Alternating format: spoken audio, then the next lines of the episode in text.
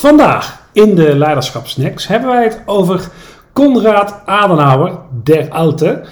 Ehm, en misschien goed, uh, Floris, als jij uh, gewoon de historische context is uh, wil meegeven. Wie was hij? Wat deed hij? En waarom is het interessant om het over hem te hebben? Ja, Konrad Adenauer. Ik denk dat de meeste mensen hem kennen als de eerste Bundeskanzler van, van West-Duitsland na de Tweede Wereldoorlog. Um, inderdaad, je gaf al aan, Der Alte. Uh, hij was 73 jaar, ja. hou je vast, 73 jaar toen hij uh, Bundeskanzler werd. Uh, dus hij had al een rijke carrière achter zich. Ja. Zo was hij bijvoorbeeld in 1917 al burgemeester van Keulen. Ja, in de Eerste Wereldoorlog. In, ja. Tijdens de Eerste Wereldoorlog, dus hij kon wel wat. Um, en als burgemeester van Keulen heeft hij zich altijd verzet tegen het nazi-regime. Uh, zo uh, hoorde ik dat, uh, dat Hitler een keer een bezoek zou brengen aan Keulen en dat uh, Adenauer als burgemeester verbood dat er nazi-banieren werden opgehangen. Ja. Ehm, nou ja, die, dat verzet tegen, de, tegen het nazi-regime dat zorgde er ook voor dat hij door de nazi's werd afgezet als burgemeester. nou, hij ging ergens anders heen, werd ook nog gevangen genomen door de nazi's. Uh, hij werd beschuldigd dat hij uh, medeplichtig was aan de aanslag op Hitler door uh, generaal von Stauffenberg. Mm -hmm. En dat konden ze niet bewijzen, dus hij werd in 1944 ook weer vrijgelaten. Um, en eigenlijk als een duveltje uit het doosje, toen Nazi-Duitsland was verslagen, zetten de Amerikanen hem weer terug als burgemeester van Keulen.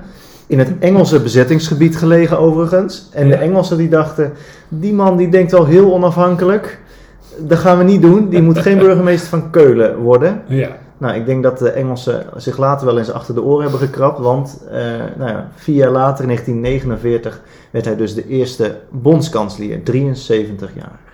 En de meeste mensen toen de tijd zullen gedacht hebben: Nou, der Alte, oude man, zal twee jaar op de winkel passen, voor zover dat mogelijk was in een kapotgeschoten land. Uh, ja. En daarna zal hij wel aftaaien. Maar hij is 14 jaar gebleven, Christian. ja. 14 jaar, ja. Hey, maar ik zei het al, een kapotgeschoten land. Ja. Uh, ik denk dat daar ook wel de uitdaging uh, lag waar hij voor stond. Hè? Ja, ja dat, zeker. Hè? als je kijkt naar wat, hij te doen, wat hem te doen stond, in 1949 werd hij bon, bondskanselier, Bundeskansler. Um, uh, en dat was natuurlijk wel een paar jaar na het einde van de oorlog. Maar dat land dat was niet alleen fysiek kapotgeschoten. Um, maar had natuurlijk ook verschillende happen uit zeg maar, nou ja, de potentiële nieuwe machthebbers gekregen. Um, ten eerste was er een, een, echt nog wel een generatie, want dat zie je ook. Hij, zelf was hij burgemeester in 1917, dus, dus er was natuurlijk een generatie in die Eerste Wereldoorlog al uh, um, nou ja, door de mitrailleur en kanonnen uh, vermoord. Um, en, maar in die Tweede Wereldoorlog waren er buiten dat er heel veel mensen natuurlijk ook gewoon uh, gesneuveld waren in die oorlog. Uh, was er ook een heel groot deel wat je natuurlijk niet meer uh, uh, aan de macht wilde hebben. En dat waren gewoon oud-naties. Um, dus zijn uitdaging is voor een heel groot deel ook: oké, ik heb een land wat in puin ligt, ook economisch, ook fysiek. En dat moet ik heropbouwen met een aantal mensen die wij echt niet meer aan de macht willen hebben. Um, en dan zijn er ook nog een aantal mensen die misschien dat wel hadden kunnen doen, maar die ook nog eens door de nazi's vermoord zijn. Uh, dus hij, hij moest daarin enorm zoeken naar met wie kan ik nou eigenlijk dit land uh, weer opbouwen. En hij heeft daar ook wel ja, zijn eigen stijl wel wat in gekozen. Hè? Ja. Uh, nou, was redelijk autoritair. Ja, dat, uh, dat kun je wel zeggen. Aan ja. ministers die had hij formeel. Ja. maar de besluiten nam hij toch wel het liefst in zijn eentje. En ik ja. denk dat dat ook wel voortkomt inderdaad uit, het, uit de, de uitdaging mm -hmm. die jij net schetst. Dat hij misschien ook weinig mensen had die hij echt blind kon vertrouwen. Ja. En dat hij daarom ook echt zelf uh, vrij autoritair was. En hij had natuurlijk ook nog te dealen uh, met een uh, democratisch erfenis vanuit de Weimarrepubliek. Ja. Duitsland was één keer eerder ja. een democratie ja. geweest, hè, na de Eerste Wereldoorlog, de, de Weimarrepubliek. Maar dat was niet zo goed, goed afgelopen.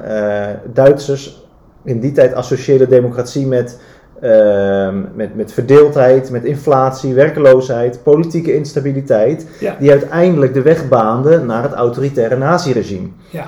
Um, dus hij had ook nog wel een uitdaging om democratie als eh, politieke inrichting eh, te verkopen. Ja. En tegelijkertijd zorgde dat er ook weer voor dat de Duitsers wel pruimden dat hij zo autoritair was. Want hij toonde in ieder geval daadkracht. Ja. Dus dat kon blijkbaar een democratie zijn en toch daadkrachtig zijn. Nou, en wat, wat, wat, wat, wat hem denk ik, hè, ook wel een paar mooie uitspraken die mensen zich vaak nog wel kunnen herinneren. Keine experimenten, die is later door Merkel natuurlijk ook nog wel geregeld uh, uh, gebruikt. Um, ik snap dat wel. Ik snap wel dat als je, uh, komen we misschien ook wel zo langzamerhand in, ja, wat kun je daar nou als hedendaagse uh, leider weer van leren? Um, ik snap wel dat op het moment dat je uh, zo'n puinhoop aantreft en zo weinig eigenlijk kunt vertrouwen op, op nou ja, de historie die mensen over zichzelf schetsen. Hè? Ik bedoel, het is een groot land, je kunt echt niet iedereen kennen, dus je moet het voor een deel ook doen met de verhalen die mensen zelf vertellen of die je checken kunt. Um, ja, dat maakt wel dat je, uh, wil je een, een, een land wat inderdaad zo'n regime achter zich heeft gelaten en daarvoor een, een, toch een, een ja, beperkte uh, mate van democratie heeft gekend. Ja, als je dat natuurlijk tot uh, goed wil leiden, dan moet je misschien voor een heel groot deel ook op jezelf en op, op, op ja, zeg maar proven technology, om het zo maar te noemen, vertrouwen. Um, en wat, hij daar ook nog wel eens bij zei, is.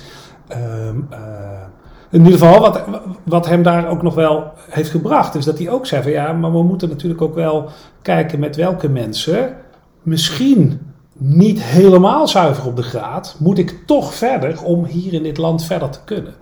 Um, dus hij kon het zich ook niet permitteren om heel zwart-wit te kijken naar uh, dat iedereen zeg maar, zonder enig vlekje weer aan de macht kon zijn. Uh, mooie uitspraak daarin. En ik ben ook wel benieuwd dan daarna hoe jij daar tegenaan kijkt. Wat hij ook wel eens zei van ja, alsof de NAVO, als wij daar lid van worden, zit te wachten op 18-jarige generaals. Hè? Ik bedoel, ja, en dat was natuurlijk ook in het bestuur van het land. Uh, je kunt niet alleen maar uh, mensen die echt van onbeschreven blad zijn, dan aan, op machtsposities neerzetten. Omdat je gewoon ook wel wat dingen moet kunnen. En dat, dat zal voor hem een enorme worsteling geweest zijn. Waarbij het dan inderdaad tot jezelf trekken van besluiten autoritair met een ja. ander woord, misschien best wel een uh, voor hem destijds passende strategie is geweest. Ja, we hebben het natuurlijk wel eens gehad hè, over moraal in uh, de politiek, in ja. leiderschap. Ja. ja aan nou verkeerde niet in de positie dat hij uh, de meest blanco, onbeschreven blad naar voren kon schuiven. Hè? Nee. En tegelijkertijd was het natuurlijk ook nog wel zo, dat pleit natuurlijk voor hem, dat ehm, in de nazi-tijd vooral de, de hogere generaals niet de diehard nazi's waren. Sommigen wel. Sommigen wel, zeker. tuurlijk, tuurlijk. Ja. Maar Nee, er waren er ook meer. veel die Ja. vooral eh, een trauma hadden van de afloop van de Eerste Wereldoorlog. Ja. Eh, en niet per se eh, heel narcistisch gedachtegoed eh, aanhingen. Nee. Ja. Nee, maar, maar, maar als je. Kijk, ehm, het, het kan je natuurlijk vaker. Eh, het kan je voor, eh, zeg maar gebeuren dat je in een, in een vraagstuk terechtkomt. Dat je nou, als nieuwe directeur in een bedrijf of in een, organisatie. eh, nou ja, eh, eh, een verleden met je meeneemt. wat gewoon niet fijn was. Hè? En, nou ja, we zeiden dat in de voorbespreking al. Er is natuurlijk geen vergelijking die opgaat met nazi's. Dus nou, die gaan we ook zeker niet maken. Ehm, maar de leerpunten die zijn wel interessant. Yo, wat doe je nou met mensen die wel hebben bijgedragen aan een oude cultuur of een Mm. oude manier van werken? Ehm, ja, het is onmogelijk om als je in een bedrijf komt, zeg maar iedereen Ja. eh, naar buiten te zetten en te zeggen van joh, wij gaan het eens even helemaal anders doen. Terwijl je misschien echt wel een andere cultuur nastreeft en echt nou ja, hè, eh, een andere moraliteit wil eh, of of een andere manier van werken. Ehm, en daar denk ik dat van Adenauer veel te leren is. Dat hij, dat hij dus en zei, nou we gaan niet aan experimenten doen. We, zei, we gooien niet het badwater weg. Nog zo'n uitspraak van Ja. hem. Hè? We gooien het badwater niet weg zonder dat we weten dat er vers en nieuw water in kan. Ehm, en ik kijk dus zo goed als in mijn vermogen ligt naar wat ik wel kan met mensen. eh, en probeer daar dan eh, het beste van te maken. ja, Met een goed moreel kompas, want dat is natuurlijk wat hij dat had. is wel belangrijk. Ja, Ja. ja. Nou, mooi. Ja, zeker. Ja, der Alte. Der Alte. Eh, een mooie, mooie inspiratiebron. Dankjewel weer, eh Floris.